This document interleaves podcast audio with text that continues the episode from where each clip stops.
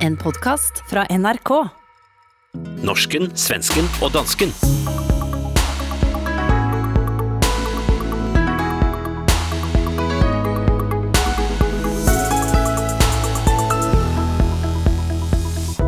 Sylvi Listhaug tar over Fremskrittspartiet, mens Dansk Folkeparti er i krise. Eurovision nærmer sig med stormskridt og har skabt ophetet mobbedebatt i Norge den sidste uken, mens norsken, svensken og dansken tænker mest på døden.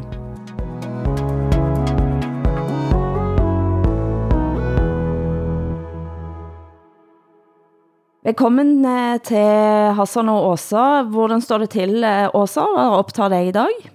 Ja, oh, jag sitter med deadline på jätte, jätte, jättemånga texter. Så det är väl det som upptar mig, tror jag. Mm. Hvor er du egentlig? Jag är i Jämtland och det är väldigt mycket snö här och väldigt vackert. det. Men altså Hassan, eh, jeg har noget at konfrontere dig med, for siden sist så har vi været eh, i politikken med norsken, svensken og dansken. Og der sa du følgende, Danmark er en nervøst hysterisk spiseforstyrret 12-tals posterboy. Hvad i alverden dager mener du med det? Nå, men du ved, altså, det, det er jo noget med det der, altså, øh, øh Danmark har jo ofte stået øh, øh, tydeligst frem som øh, den frække dreng i klassen i en nordisk sammenhæng. Det er jo i hvert fald sådan, man har benævnt Danmark. Ikke? Men i disse tider, hvor man skal passe på med at øh, stereotypificere på en bestemt måde i hvert fald, der turde jeg ikke skrive øh, klassens frække dreng, og på samme måde en spiseforstyrret 12-tals pige, især ikke i dagbladet Politiken. Kan du, kan du vel veldig kort, eh, hvad betyder 12-tals? Det må både svensker og nordmænd forstå. En, en, 12, en 12-tals pige, det er, hun bliver også kaldt en penalhuspige, altså det er en pige, som er øh, ekstremt stræbsom, altså hvis hele eksistens går på at gøre det godt, ikke? At være dygtig mm. i skolen, at få et 12-tal, som er den højeste karakter, man kan få, oh, øh, i, mens man går i skole. Ikke? Mm. Øh, men, men jeg vendte så det hele på hovedet og kaldte det så i stedet for, øh, øh at, at vi, Danmark normalt havde været defineret, defineret som klassens frække tøs, men at hun nu fremstår som en øh, spiseforstyrret øh, 12-tals posterboy. Ikke? Øh, og med spiseforstyrret, der mener jeg jo noget med, at, at der er sådan et, et højt niveau af kontrol øh, her i Danmark. Ikke? Altså selvkontrol. Og meget øh, image i, i regeringsførelsen i hvert fald. Ikke? Øh, og øh, og det, det er sådan det, det, det spiseforstyrret, jeg refererer til. Og det her med posterboy, det er jo at vi ligesom fremstår så øh, hammerne dygtige lige nu. Ikke? Nej, fordi siden dette er familieterapi, så kan jeg da fortælle, at jeg har hele 8 års erfaring som spiseforstyrrer i min ungdom. Eh, så jeg vet faktisk ganske mye hvad det er, som skal til for at blive frisk, og jeg tænkte på, kunne vi have lagt op et uh, lite terapiløb? Jamen altså, kan, øh, hvad gjorde du for at komme fri af, af din spiseforstyrrelse? Det første er jo at erkende, at den har et problem. Jamen, der, der er vi slet ikke nået til endnu. Så hvis vi bruger den, de næste månederne nå på at etablere, at Danmark eh, har et eh, problem, så kan vi starte med en lidt større terapi til høsten. Det må være processen. Hvad, hvad, hvad mener du med til høsten? Altså når vi skal høste? I september, oktober kanskje. Ja, i, til efteråret. Ja, efteråret. efteråret. Ja. Mm. Jeg har en liten præcisering at komme med. Sist uke så snakker vi om en sak med en IS-kvinde, som skal op i retten i Norge i mars. En død ettåring kommer til at være central ifølge VG. Jeg sa, jeg tænkte dette i så fall var kvinden jeg var i debatt med i 2011, da hun deltog i antologi som Nikabi, og at det muligens også var den historien Åse Seierstad skriver om i to søstre. Hun skriver også om en død ettåring. Jeg har nu fået vite, at det ikke var henne som skal i retten, og at det heller ikke historien om hennes søn Seierstad skriver om, og jeg beklager dette.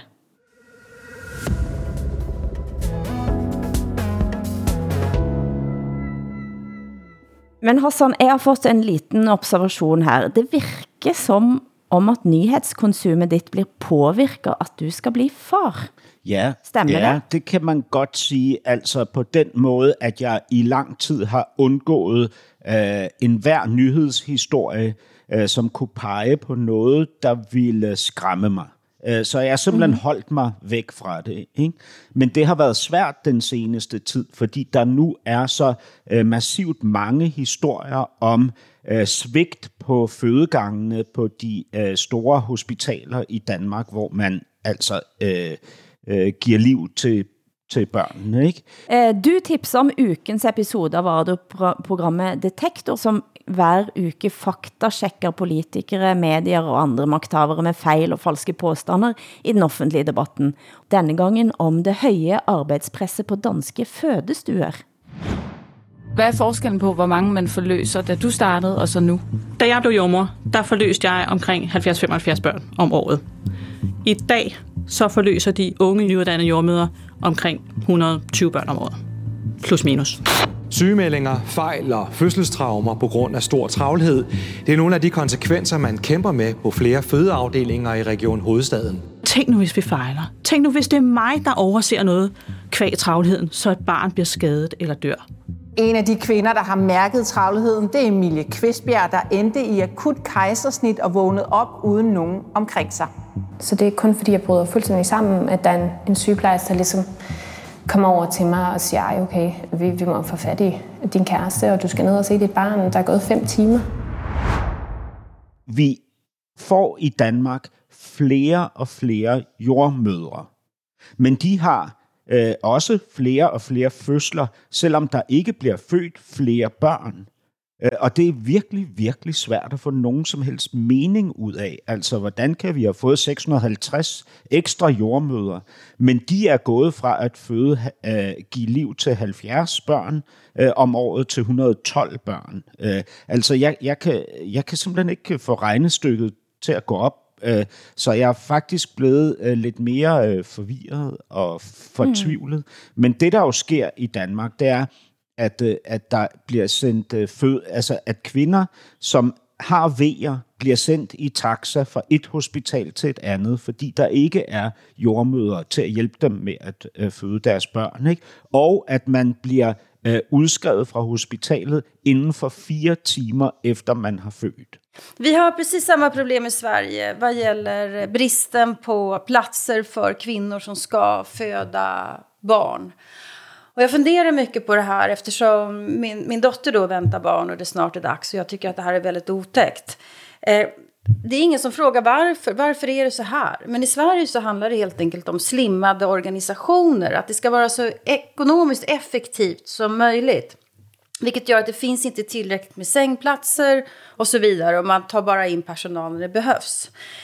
Vad jag tycker är så jäkla typiskt med det här, det är ju att det är bara människor som i Hassans situation eller min dotters situation som ska till att föda barn som tar den här striden. Det är de som märker liksom, att här, på den här punkten fungerar sjukvården inte. Men när man ska föda sitt barn och bli förälder så har man ju inte tid att kämpa liksom, för den här frågan. Alla vi andra bryr oss inte för vi ska inte bli föräldrar.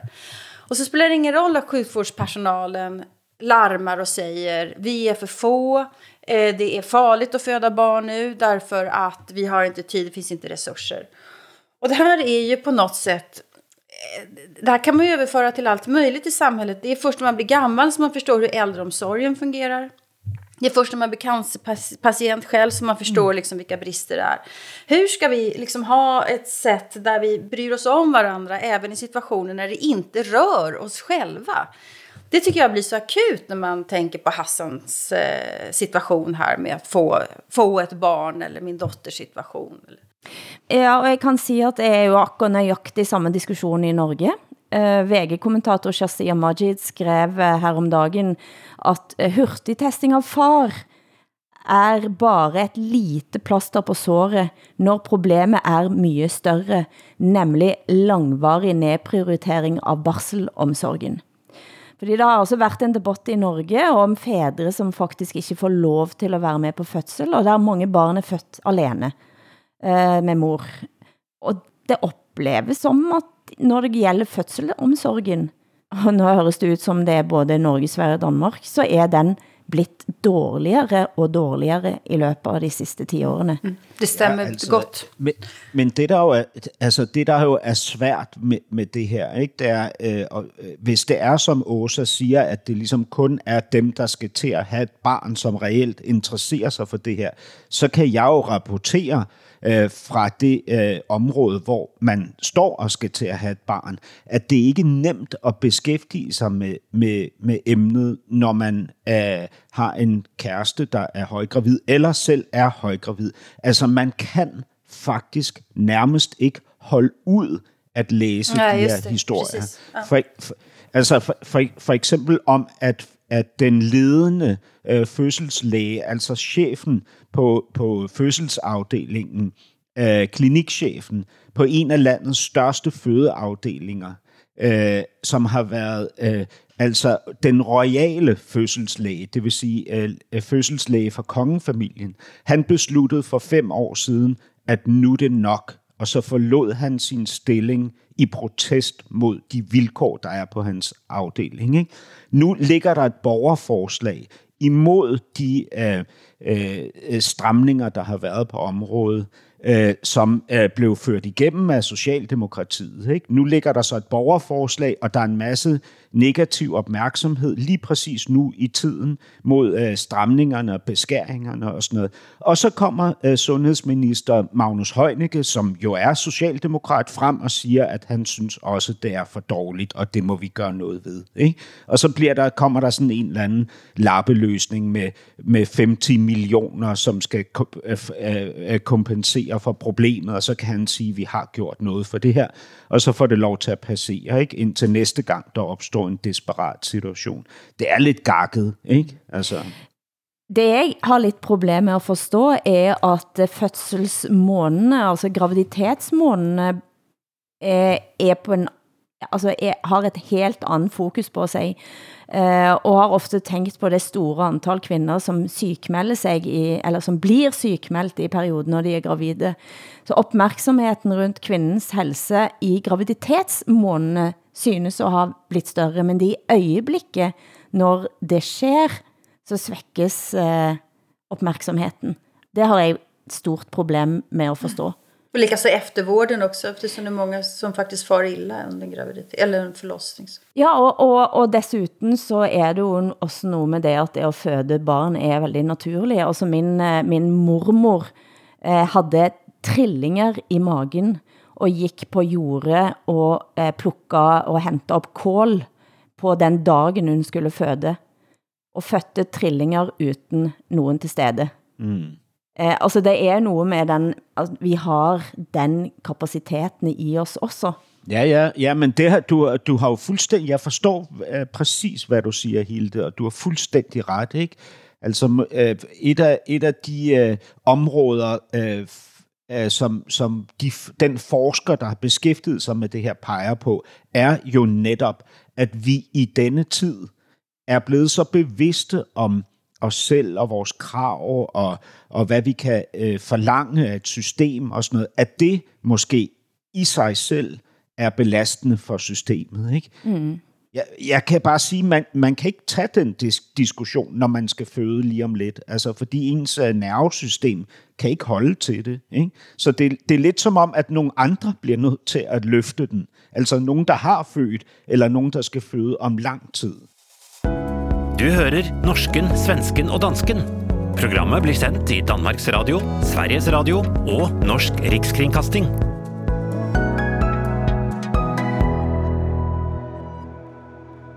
Men altså, vi havde knapt spilt ind forrige uke, før bomben sprak. Fremskridtspartiets leder Siv Jensen gik av og pekte på Sylvi Listhaug som avtaker. Og nu går debatten højt i Norge og internt i partiet. Partikollega av Siv Jensen og Sylvi Listhaug, Silje Flaten Haugli, skrev dette i en kronik i VG. Selvom hun, altså Listhaug, erklærer sig som liberalist og tilhænger av frihet for folk flest, har hun ofte stått op for værdier og holdninger vi som liberalister ikke kan vedkende oss, og blitt nærmest båret på guldstol av de nationalkonservative, skrev hun. Og Listhaug har det altså med at fyre op sine meningsmodstandere, og kan jeg indrømme, og meg.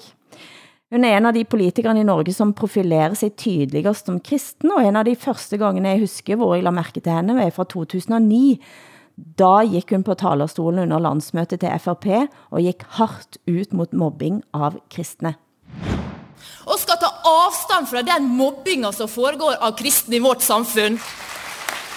Jeg blir så provosert når jeg ser debatter der kristne deltar, sier det de mener, og bli møtt med personangrep. Det skal oss jammen ikke finne oss i at skjer. Og det verste er at de samme menneskene som sitter og angriper personene de debatterer mot, de sitter og har toleranse overfor islam og ekstreme holdninger i den religionen. Jag har en fråga. Vilken dialekt pratar eh, Sylvie Listhaug? Kommer hon norröver eller? Sylvi Listhaug blev født i Ålesund i 1977, og er vokset op på gård og odelsjente, eh, akkurat sådan som jeg er odelsjente, vokset op på gård, skulle egentlig ta over og gik ind i politikken som ganske ung. Jag har en fråga till bara. Alltså hur vanligt är det alltså, att Siv Jensen pekar själv ut sin efterträdare? Det skulle aldrig hända i Sverige. Utan då är det en intern process med valberedning och så vidare. Hur, är det vanligt i Norge att en avgående eh, fyr, vad fan heter det, styrman och ser, vad heter det för någonting, ordförande, Oberstobomfyrer. Le, led, leder. Leder. Partiformand. En partiformand. eh, pekar ut sin egen efterträdare, hur vanligt är det? Altså, selvfølgelig så skal det være et uh, valg her. Uh, hun kan, hun kan te, peke mot Sylvie Listhaug, antageligvis også for at skabe ro i partiet. Men det kan selvfølgelig ske noget på partilandsmøte. Ja, det, for, det förstår jag, men, men jag har aldrig hört något liknande faktiskt, att man gör så. I, Sverige skulle det vara fullständigt tabu. Men alt, alt er tabu i Sverige, øh, Åsa. Visst, hon är tabu i Sverige, ja det är hon. ja, også det, ja. Hun skal, har skabt bråk i Sverige også. Under valgkampen i august 2017 drog hun med svensk og norsk presse i hælene til den svenske forstaden Rinkeby for at se med egne øjne svenske skrækeksempel på dårlig indvandringspolitik. Og vi kan høre hvor, hvordan svenske Aftonbladet TV omtalte besøket den gangen. Norges invandringsminister Sylvi Listhaug från högerpopulistiska Fremskrittspartiet besöker idag Stockholmsförorten Rinkeby. I samband med besöket skulle hon även träffa Sveriges migrationsminister Helene Fritzon, men med kort varsel ställdes mötet in. Till norska VG skriver Fritzon i ett mejl att hon gärna träffar sin norska kollega, men att hon inte vill vara en del av den norska valrörelsen. Vidare menar Fritzon att Listhaug verkar vilja sprida en missvisande bild av Sverige och att besöket i Rinkeby är en del av Fremskrittspartiets valkampanj. Tidigare har Fremskrittspartiet besökt stadsdelen Rosengård i Malmö och Listhaug har kallat svensk integration för ett skräckexempel. Sverige är ett eh, skräckexempel på hur galt det kan gå. Et skrækeksempel, Åsa, husker du, hvad du tänkte den gangen, da Sylvie...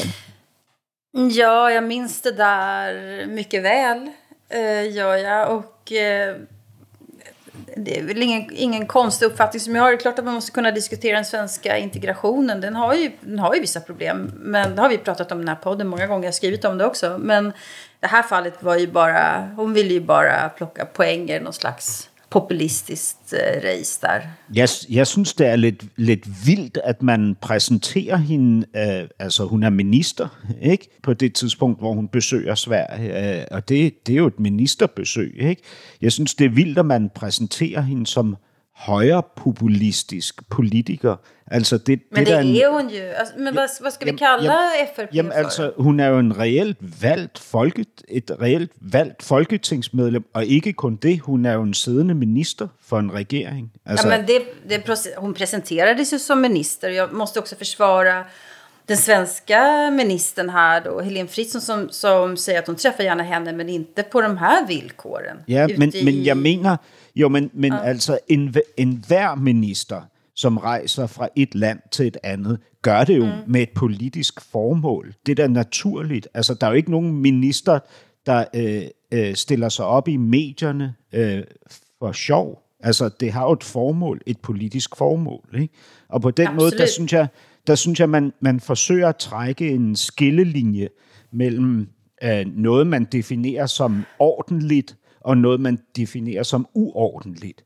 Og det bryder jeg mig ikke om. Det synes jeg simpelthen er, mm. altså, at det er parlamentariske unoder. Altså, det er, ikke, det er ikke fint at gøre sådan. I min Nej, jag verden. håller, jag håller inte med. Jag tycker att den svenska regeringen säger att de väldigt gärna träffar den norska ministern men inte på de här villkoren. Att, eh, att eh, klafsa ut i, i Rinkeby där hon, där hon ska få liksom framställa Sverige som ett skräckexempel. Jag, jag kan förstå om man säger så här, vi kan ses, vi kan ses på regeringskansliet istället där vi brukar träffa våra, våra liksom, systerministrar.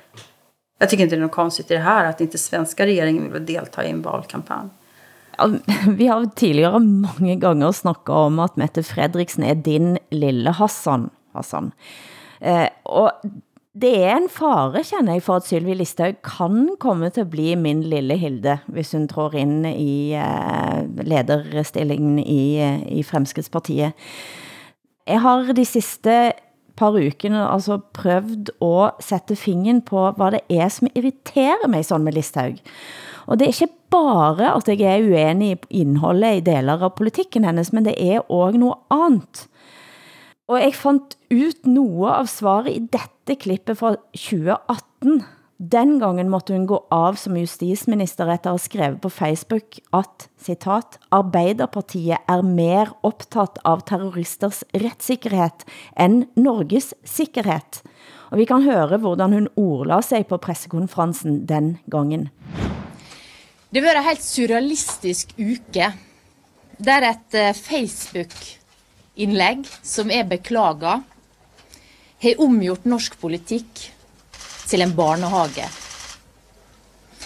Da er det min oppgave å opptre voksent.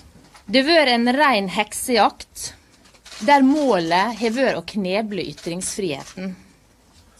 Ytringsfriheten er for meg en utrolig viktig verdi. En norsk og vestlig verdi som vi skal gjøre alt oss kan for å hegne om. Altså, det er noget med den selvretfærdige tonen her, som jeg kender irriterer mig. Jo, men det er jo også noget med det principløse, ikke? Altså, du kan jo ikke sige, at, at, at altså, nu står hun her og taler om norske og vestlige værdier, ikke? Men retssikkerhed er jo netop også en norsk og vestlig værdi, ikke? Hun kan jo ikke shoppe øh, i værdierne efter for godt befindende. Altså, det går jo ikke. Øh, og det, det er jo også der, hvor man ligesom...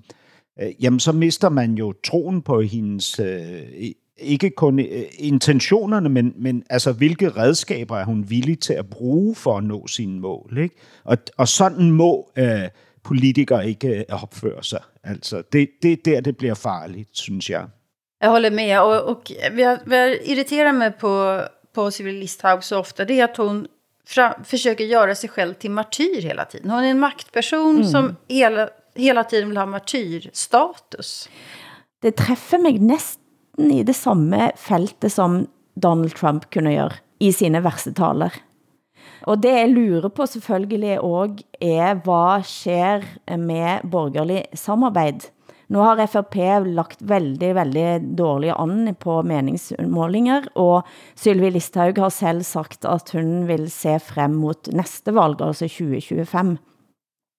Men är inte valet av Silvi Listhaug, som nu då splittrar FRP, de, de liberalerna i partiet säger att vi kommer att lämna partiet om den här nationalkonservativa kvinnan tar över.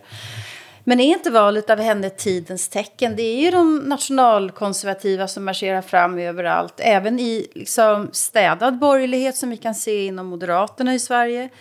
Eh, Eller i mer populist, som jag då menar högerpopulistiska rörelser som, som eh, FRP. Och då är ju liksom frågan, varför är liberalismen så svag just nu? Vad beror det på? Att ingen vill ha liberala lösningar, liberala partier, liberala strömningar? Eh, och det måste ju vara ändå att högerpopulisterna och vänsterpopulister träffar rätt någonstans. Att det här är, liberalismen är elitens ideologi. De har påstått att de ska göra frihet för folk flest och det blir inte av. Utan vad man istället upplever är, hävdar jag i alla fall, ökade orättvisor och eh, de här privatiseringarna, det har inte slagit väl ut tycker man. Och ökad ojämlikhet och en rädsla för framtiden och sådär. Så då är ju frågan, så vad är en liberal politik idag som kan fånga folk? Ja, det, Vad är en liberal fråga som vinner människors hjärtan? Den finns inte. Jamen, det er interessant, Åsa. Øh, Jeg har, jeg har tænkt det samme i forhold til liberalismen. Hvad er det, der sker? Hvorfor er det, den ikke har nogen gennemslagskraft? Hvorfor kan den ikke appellere til os i tiden nu, hvor den egentlig burde gøre det mere end nogensinde? Ikke? Og, og jeg tænker ikke så meget, at liberalismen er elitens ideologi. Jeg tænker, at det er tryghedens ideologi. Ikke? Altså, når utrygheden er for dominerende, så er det alt for øh, skræmmende at, øh, at give sig hen til liberalismen, øh, mm. med, med, i hvert fald med, med fuld tro. Ikke? Men är det inte så att liber, alltså, liber, liberalernas problem här är att liberalismen är splittrad i två, eller har, står på två ben. Och det ena är eh, den fria marknaden och ekonomiska reformer eh, som man har liksom regerat med i 30 år här nu och det tycker liksom folk inte har blivit så mycket bättre av, av den politiken. Finanskriser och allt möjligt. Och det andra liberala benet som jag ju själv, som jag ju själv då eh, känner mig eh, väldigt liksom, lojal med, det är ju de här frihetsfrågorna, yttrandefrihet, konstens frihet och alltihopa det där. Eh, Eh, och, och det är de frågorna, den kulturkampen man ska säga, som, som hela tiden kommer i konflikt med varandra, som vi pratade om tidigare. Yttrandefriheten kan komma i konflikt med religionsfriheten. Eh, kvinnors rättigheter och frigörelse kan komma, kan komma i konflikt med religionsfriheten och yttrandefriheten, massa saker och sådär.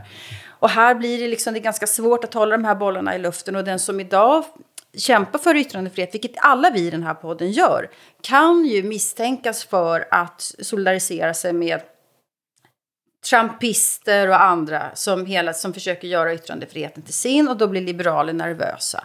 Mm. Jag skulle vilja säga att det är väldigt, väldigt jobbigt att vara liberal idag.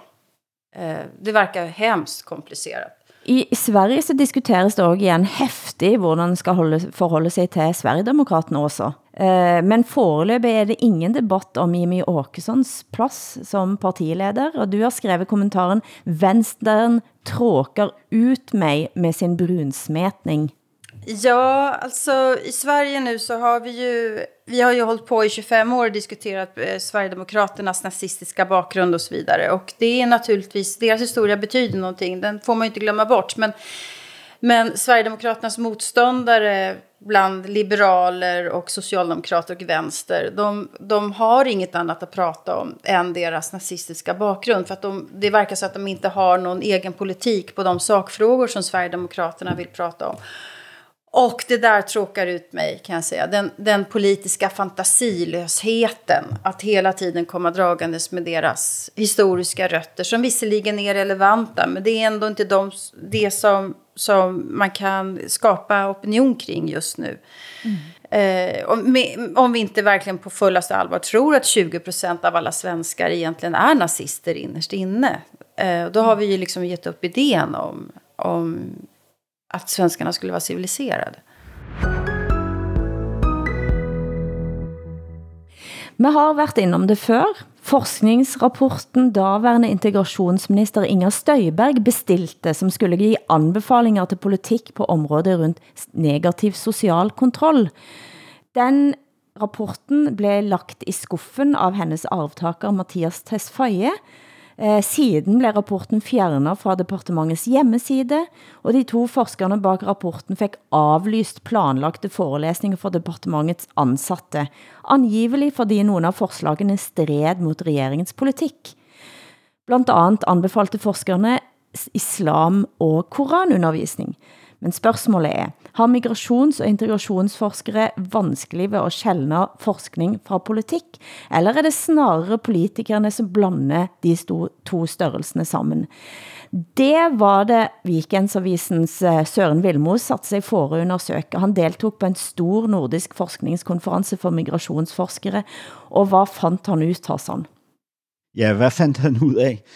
Det, det er svært, og, og det er svært af en bestemt årsag. Ikke? Øh, når, det kræver faktisk en del af kræfter, øh, mentale kræfter, at sætte sig for at læse den her artikel. Og ikke på grund af Søren Villemors, men på grund af de her ekstremt komplicerede øh, hvad kan man sige, øh, øh, begreber øh, og, og sammensætninger af ord, der findes inde i det her land, som, øh, altså, som jo øh, kalder sig migrationsforskning. Ikke? Øhm, altså, øh, prøv at høre, øh, det, det er jo sådan noget som in, intersektionalitet, ikke? racialisering, femonationalisme øh, og så videre. Ikke? Øh, sådan nogle begreber, man skal forholde sig til, og det, det kræver en del. Ikke? Men jeg vil jo nok sige, at konklusionen er, øh, at, at man må sige, at øh, de her forskere øh, ikke fremstår som neutrale forskere, men øh, snarere som en politisk opposition til det, som de mener er en, øh, en retning i det politiske liv, som är uansvarlig eller forkert. Ikke? Men jag skulle säga som själv då har en bakgrund som forskare att all samhällsvetenskaplig forskning hänger intimt samman med, med politik. Eh, det ser vi inom, ja, vi ser det inom genusvetenskap, vi ser det inom nationalekonomi, eh, miljöforskning, eh, sociologi, eh, krimin, eh, kriminologi, alltså det hänger ihop med... Den, den, alltså de frågor man ställer bottnar ofta i ett, ett, liksom ett engagemang för hur samhället ska se ut. Det som är så himla intressant, tycker jag, som har följt många forskningsprocesser hos kollegor på, på universitetet i Uppsala, det är ju när någon ställer en fråga och sen så visar det sig att resultatet blir inte det som man trodde. det, det, är, det är inte alla forskare som vågar erkänna det, utan de kan liksom fixa och trixa lite grann och ändra frågan då, men de liksom kommer ändå fram till det som de trodde att de skulle komma fram till. Men när man ser den där eureka hos en, hos en forskare som verkligen vågar eh, låta sig överrumplas av resultatet. Det är bland det finaste man kan vara med om faktiskt. Det är helt fantastiskt. Men all samhällsvetenskaplig forskning hänger intimt samman med ett politiskt engagemang i en eller annan mening. Det skulle jag faktiskt våga påstå. Men här är det ju ett helt konkret utgångspunkt Søren Vilmos har. Det som Søren Vilmos har fulgt, en, en serie foredrag som handler om at vi ikke længere skal snakke om begreber som negativ social kontroll på den måten. Og jeg bet mig jo mærke i ordet femonationalist, eh, som, som bliver lagt frem eh, flere gange og flere, eh, på, under, under denne konferensen. Femonationalisme ifølge disse forskerne er det altså udviklet av teoretikeren Sarah Ferris for at beskrive hvordan feminisme bruges av nationalister til at udøve racisme og fremmedfientlighed. Altså at feminismen då kom i klørene på nationalister. Eh, og jeg kunne jo ikke dy mig for at tænke på mange av de samtalen, som vi har haft i norsken, svensken og dansken. Eh, og jeg tænkte at ut ifra den fortolkningen, som man kan læse her, så ville jeg for eksempel blitt sett på som en femo-nationalist. Fordi altså, jeg har i veldig mange år av mitt liv eh, brugt tiden på at støtte støtte de kvinderne, de jentene, men også de guttene, som tar op kampen mot strukturer, som, som gør at de ikke har de rettigheder, som det jeg har i mitt liv. Uh, og jeg spurgte nogen av de jentene, som jeg har jobbet tættest med, og som har taget et opgør med uh, sin egen bakgrund, men også til og med sin egen familie, har levet ganske tøffe liv. Og jeg sa, hvad, hvad om at det jeg eh, har bidraget med her med at vise min støtte, blir kaldt for femonationalisme? Eh, og de blev, de blev for det første forskrækket, eh, og, og sa også, at hvis, hvis man skal kunne ta et opgør med en del av de strukturerne, som de er også født ind i, så må det være et stort vi, eh, der vi alle eh, kan være med og stå på eh, barrikadene og kæmpe. Med, med at læse denne artiklen til Vilmos, så, så blev jeg faktisk urolig for at den type engagement ikke længere er gyldig, uden at man blir klistret på en mærkelapp. Eh, og for mig så er den på grænsen til at være en hersketeknik.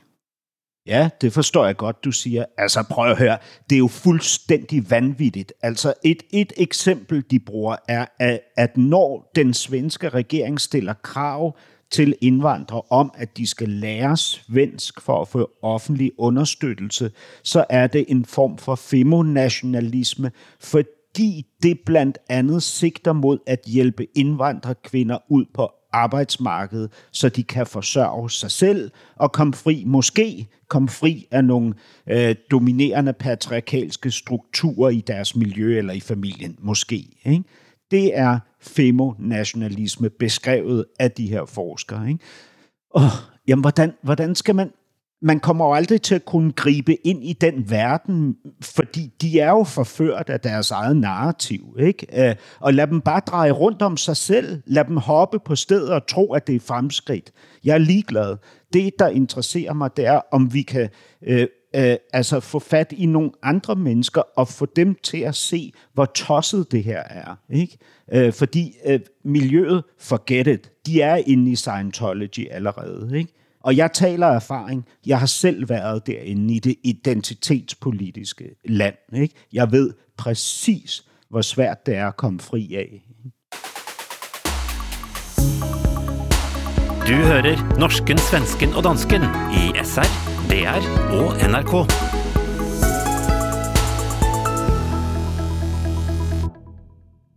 Hvis jeg siger Melodi Grand Prix, forstår dere hvad jeg mener? Eurovision Song Contest säger vi i Sverige, om vi inte säger Mellon, som är Melodifestivalen. Og i Danmark, hvad siger man der?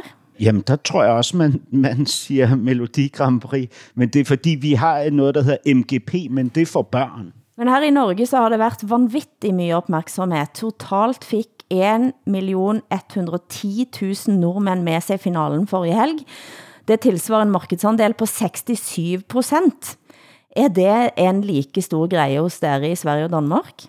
I Sverige så tror jag vi har sex delfinaler, alltså sex program till, jag tror att det är så, till den stora finalen är. Eh, och folk ringer och röstar sig. Men i Sverige är ju det här ett barnprogram i första hand skulle jag säga. Alltså vuxna som sitter och tittar gör ju det för att de har barn med sig i soffan. Men, men har man inga barn så tror jag inte man tittar på det där längre. Faktiskt. Ja, altså i Danmark var det, var det nærmeste øh, øh, altså, øh, blevet sådan et lidt forsvindende fænomen, ikke? da det så pludselig fik en opblomstring igen, ikke? Øh, som var ret vild at se. Altså, og det kulminerede ligesom i år 2014, hvor... Øh, hvor øh, øh, det, det, altså Melodi Grand Prix'et, der blev afholdt i Danmark, fik en regning på 334 millioner, en samlet regning for at afholde Melodi Grand Prix, altså 334 millioner danske kroner, ikke? Øhm, som er det næsthøjeste beløb, der nogensinde er blevet brugt på øh, Eurovision-aften, øh, ikke? kun overgået af Azerbaijan. Øhm, men, men noget andet er, øh, faktisk så har Danmark vundet øh, Melodi Grand Prix tre gange. Øh, jeg, jeg ved ikke, ja, hvor... Men skal du inte fråga, hur många gånger Sverige har vundet av Danmark? Jamen, jamen, jamen, altså, I havde jo ABBA. ABBA vandt jo bare Melodi Grand Prix hver år, ikke? 1900. Men jeg, jeg, jeg, jeg, ved, jeg ved simpelthen ikke med Norge, hvor mange gange Norge har vundet Melodi Grand Prix, men jeg ved, Anders, jeg ved at no- Alexander Rybak senast. Mm. ja, men jeg ved at Norge fire gange har fået 0 point. Nul poäng. Det är helt Men sant. alltså det, det Hassan säger här, det är ganska intressant. Alltså Sverige har ju vunnit väldigt många gånger. Och, och det är ju med en skräck som Sverige vinner varje gång för de som sitter i, i tv-huset och bestämmer. För att det är väldigt, väldigt dyrt att arrangera det här. Så Mm. när Sverige vann senast så bestämde, bestämde ledningen, eller senast med något år, att vi ska inte ha det i Stockholm och blåsa på det ska vara jättestort. Utan vi gör en mindre produktion som vi lägger i Malmö. Eh, och det uppfattades som ett etikettsbrott. Liksom, att är inte det här världens viktigaste händelse? Men eh, det är sketadyrt att arrangera det där. Men den store debatten etterpå i Norge har ikke drejet sig om musikken, men om anmeldelsen av den. Dagbladets anmelder, 59 år gamle Anders Grønneberg, havde slakta vinderbidraget Fallen Angel til artisten Tix. Det blev debatt i Norges vigtigste daglige debattprogram, Dagsnytt 18, og her kan vi høre frilansjournalist Lasse Olsrud Evensen anklage sin kollega for ondskapsfuldt forsøg på karakterdrab. Du skriver i utgangspunktet, bare for å ta det, eh, du skriver at Tix vil få mange stemmer, det var han ikke i tvil om. At den har en fanskare, det er det heller ikke i tvil om. Så sier du, men at en million fluer liker dritt, betyr ikke at dritt er bra. Hvis du er så øh, vettskremt, eller hvis du er så feig og ikke tåler det. Jeg sittet her mot deg nå. Nei, Hvis du har lest, jeg er jo ikke, men hvis du er jo- En av gangen, en av Hvis du har gangen. lest kommentarfeltet under eh, Dagbladet i dag, så er det altså over 1000 mennesker som angriper deg og språket ditt. Får ikke det deg på noen som helst måte til å tenke over at du er ufin? At du går på unge mennesker. Det er ikke første gang du Ja, gjør det, Grønneberg. gjør Et øyeblikk. Et øyeblikk. At du går på unge mennesker. At du tar debutanter inn som sitter der hjemme og blir skada fordi at du rett og slett, for å si det på godt norsk og ekte, ekte hadelandsk programleder, du gir faen. Det jeg synes er interessant, det er at høre møte mellem den gamle skolen journalister. Murveljournalister, er det det man siger i Sverige også? Nej, Murvel, det är, en, det är en reporter som smyger runt i stan och kommer hem med historier som ingen annan skulle ha hittat, som är lite cynisk och sådär. Men cynismen här, det kan man väl säga, den finns ju i den här genren. Nej, for det er møte med en ny tid, en nytt paradigme, med der eh, en, den liksom fyndige one-lineren, den giver mig en liten dinosaurfølelse. Vi har ju ofta den här diskussionen i Sverige, hur hård får en kritiker vara? Och det är ju en genre, framförallt när det gäller musik, som lockar fram liksom elakheter. Men jag brukar tänka att en, en, en kritiker får, får vara elak, men man får aldrig vara hjärtlös. Det är när man är, när man är hjärtlös som, som det blir ett, ett, eh, ett stort problem. För menar, en kritiker måste ju också ha ett samvete någonstans. Men den här diskussionen blossar upp i Sverige ofta och då är antingen så, så säger kritikerna så här, ah, ni är så lättkränkta, ni förstår inte att det här tillhör liksom reglerna att om man släpper en skiva eller står på en scen så blir man recenserad eh, och då får man ta det för vad det är. Men om det uppstår en sån här debatt som nu i Norge så beror det ju faktiskt ändå nästan alltid på att någon kritiker har gått över en gräns för vad man faktiskt får säga om andra människor. Utan att för den skulle lägga mig i själva bråket här så, så, så förstår jag problemet. Eh, Jeg kan si at eh, Grønneberg måtte spise pannebånd på direkte sendt TV i debatten eh, denne uken. Pannband? Et pannbånd måtte han spise, fordi han sa, jeg hadde skrevet også, at hvis Tix vinner denne finalen, så skal jeg spise pannebåndet. Alltså i, Sverige, alltså i, Norge, i Norge äter ni pannband. I Sverige så ska man äta upp sina skor eller sin hatt eller sina kalsonger. Men ni äter pannband i Norge alltså? Tix har alltid et eh, pannebånd. Tix har alltid et pannebånd, Ah. eh, men det er nå spist av Grønberg. Jag trodde att ni gick runt ungefär som John McEnroe med pannband i Norge. Jag trodde att ni var kvar i 80-talet, som ni är på många sätt. For, for svenske og danske lyttere så er Tix sin kanskje mest kjent for dere via denne låten fra 2015, som var med i en episode av tv-serien Skam.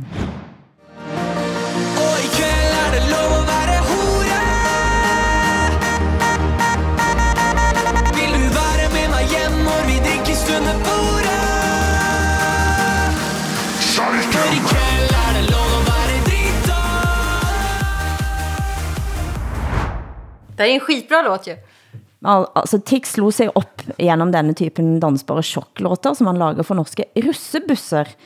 De såkalte russelåtene, som er blitt big business eh, i Norge.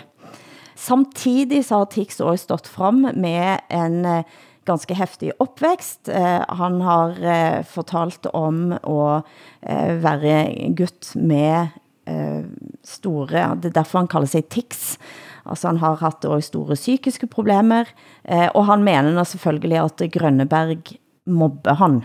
Här måste jag ändå säga, alltså det är ganska svårt för en kritiker att tänka att jag kan inte skriva på ett särskilt sätt om den här artisten, för att den här artisten har en trasslig bakgrund och uppväxt. Så kan man inte tänka som kritiker.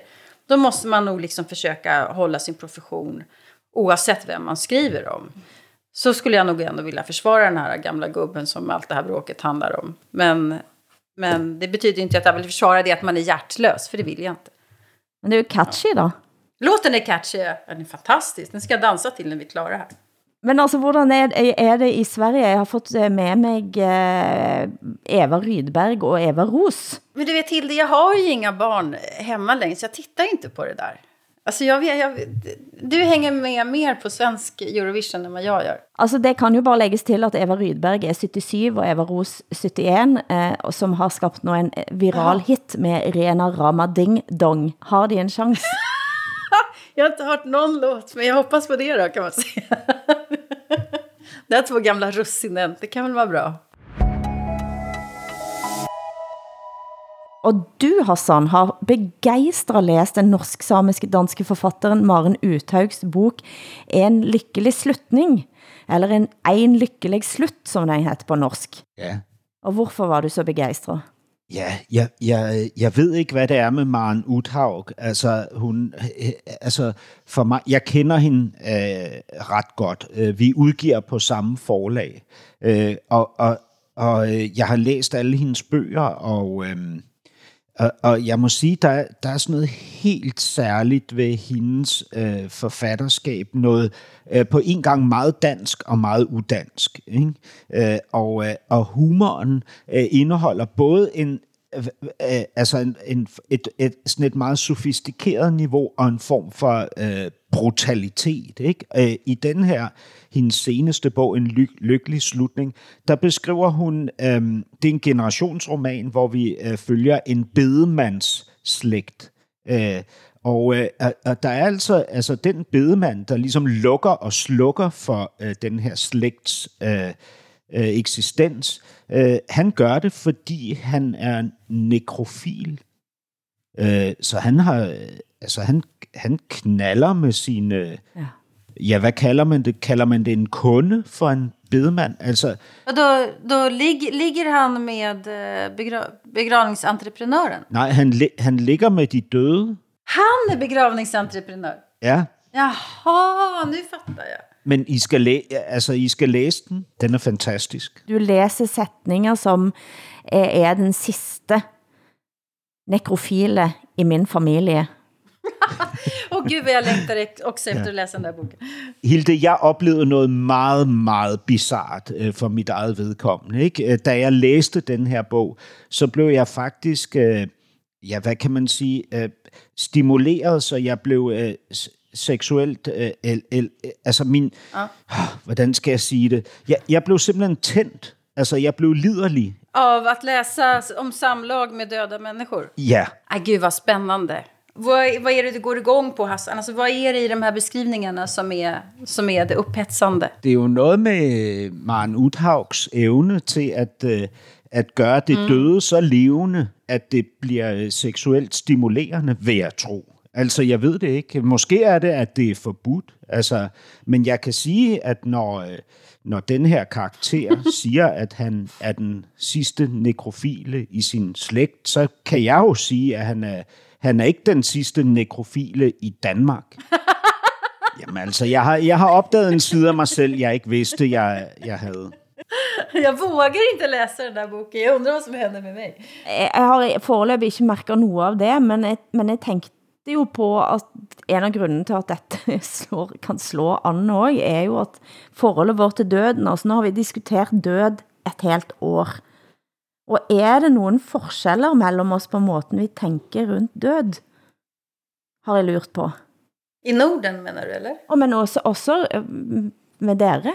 Altså, jeg har jo sådan en forestilling om, at når en nordmand skal dø, så går han eller hun øh, ud i, øh, hvad hedder det, fjellet, og, og så sætter ha- han eller hun sig op ad et træ, og, og så, så siger han eller hun farvel. Jeg, jeg tror det var sådan, jeg skulle ønske at jeg kunne dø. Jag tror att vi i Norden har ett, det här västerländska förhållandet till, till döden helt enkelt. Men vi är ju dåliga på, på att prata om sorg överhuvudtaget. Mm. I alla fall i min ålder. eh, Nu börjar jag bli så gammal så att vänner blir sjuka och dör. Eller man själv drabbas av saker snart. Liksom det, jag börjar liksom räkna ner. Hur många år har jag statistiskt sett kvar att leva? Och eh, jag funderar mycket på döden. Hur jag vill ha det. Hur begravningen ska vara. Var jag vill att mitt stoff ska ligga någonstans. Eh, och jag är inte rädd för döden. Det, det, är inga, det är inga jobbiga tankar hos mig. Det är, det, är inga, det är inga besvärliga tankar hos mig det här. Vad gäller min egen död. Men jag tänker mer och mer på den. Ja, inte bara på grund av corona utan på grund av att jag är i den åldern nu. For, for mig der er det, do, det dominerende aspekt i forhold til min død, er forfængeligheden. Altså, øh, hvordan skal jeg blive gammel? Øh, bliver jeg det på en, en nobel måde, eller kommer jeg til at ydmyge mig selv i min alderdom? Mm. Og på samme måde, når jeg skal dø, mm. altså bliver det en ædel begivenhed, eller bliver det øh, noget, man virkelig ikke har lyst til at være vidne til. Altså bliver jeg øh, skrækslagen, mm. hysterisk, øh, øh, øh, altså øh, en usling, eller, eller kommer jeg til at gå stolt og stoisk ind i min død? Ikke? Og på samme måde også... Eller försvinner man bara i flera år helt enkelt i någon demens eller en hjärnblödning? Mm. Eller? Det är min stora skräck. Ja. Hvad tænker du, Hilde? Nej, jeg tænker også, det er også min store skræk, og jeg husker, jeg var, jeg var, havde dødsangst, sikkert parallelt med at jeg var spiseforstyrret, jeg, jeg hang kanskje sammen.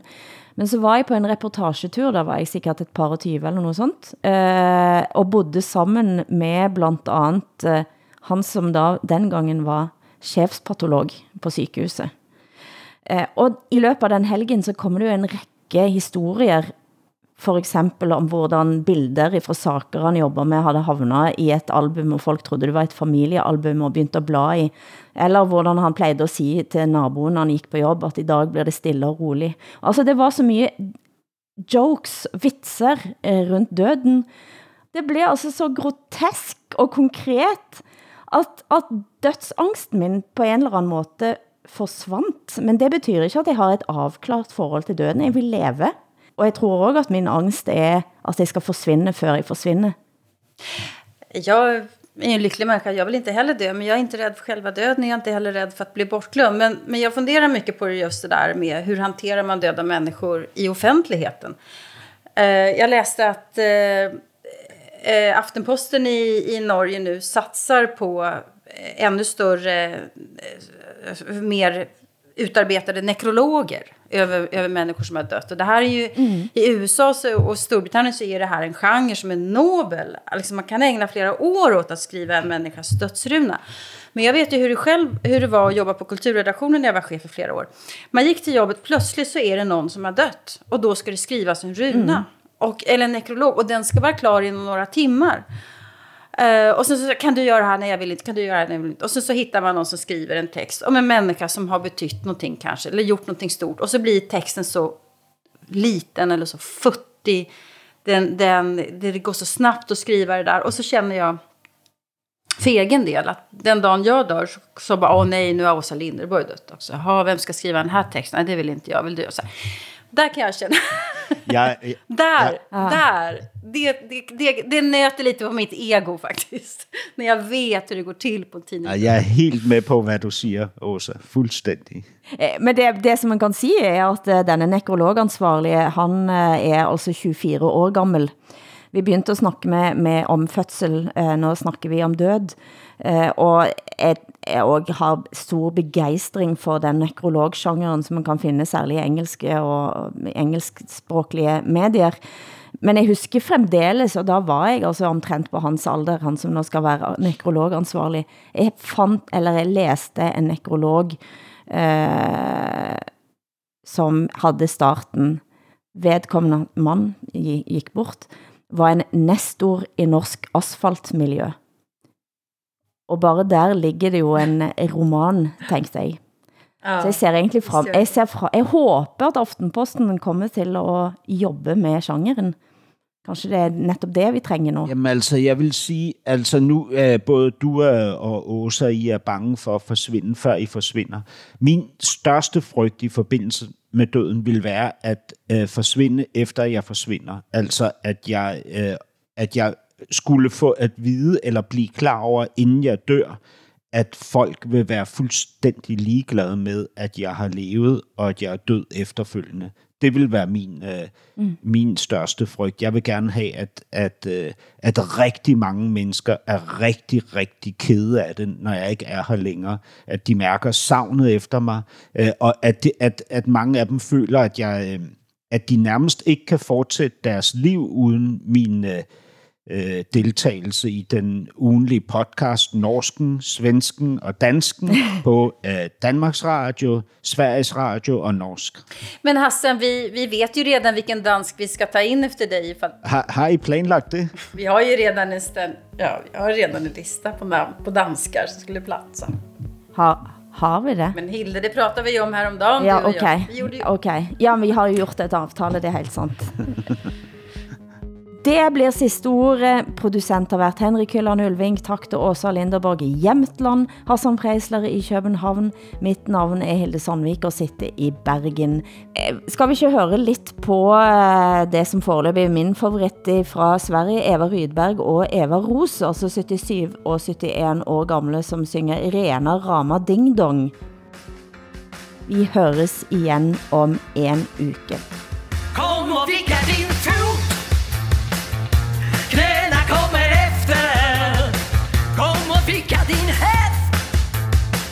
Nu känns det lite bättre. Kom och klappa din hand. Ah, Så alla nu kan höra. Kom och skaka din kropp. Taket lyft och låt oss köra.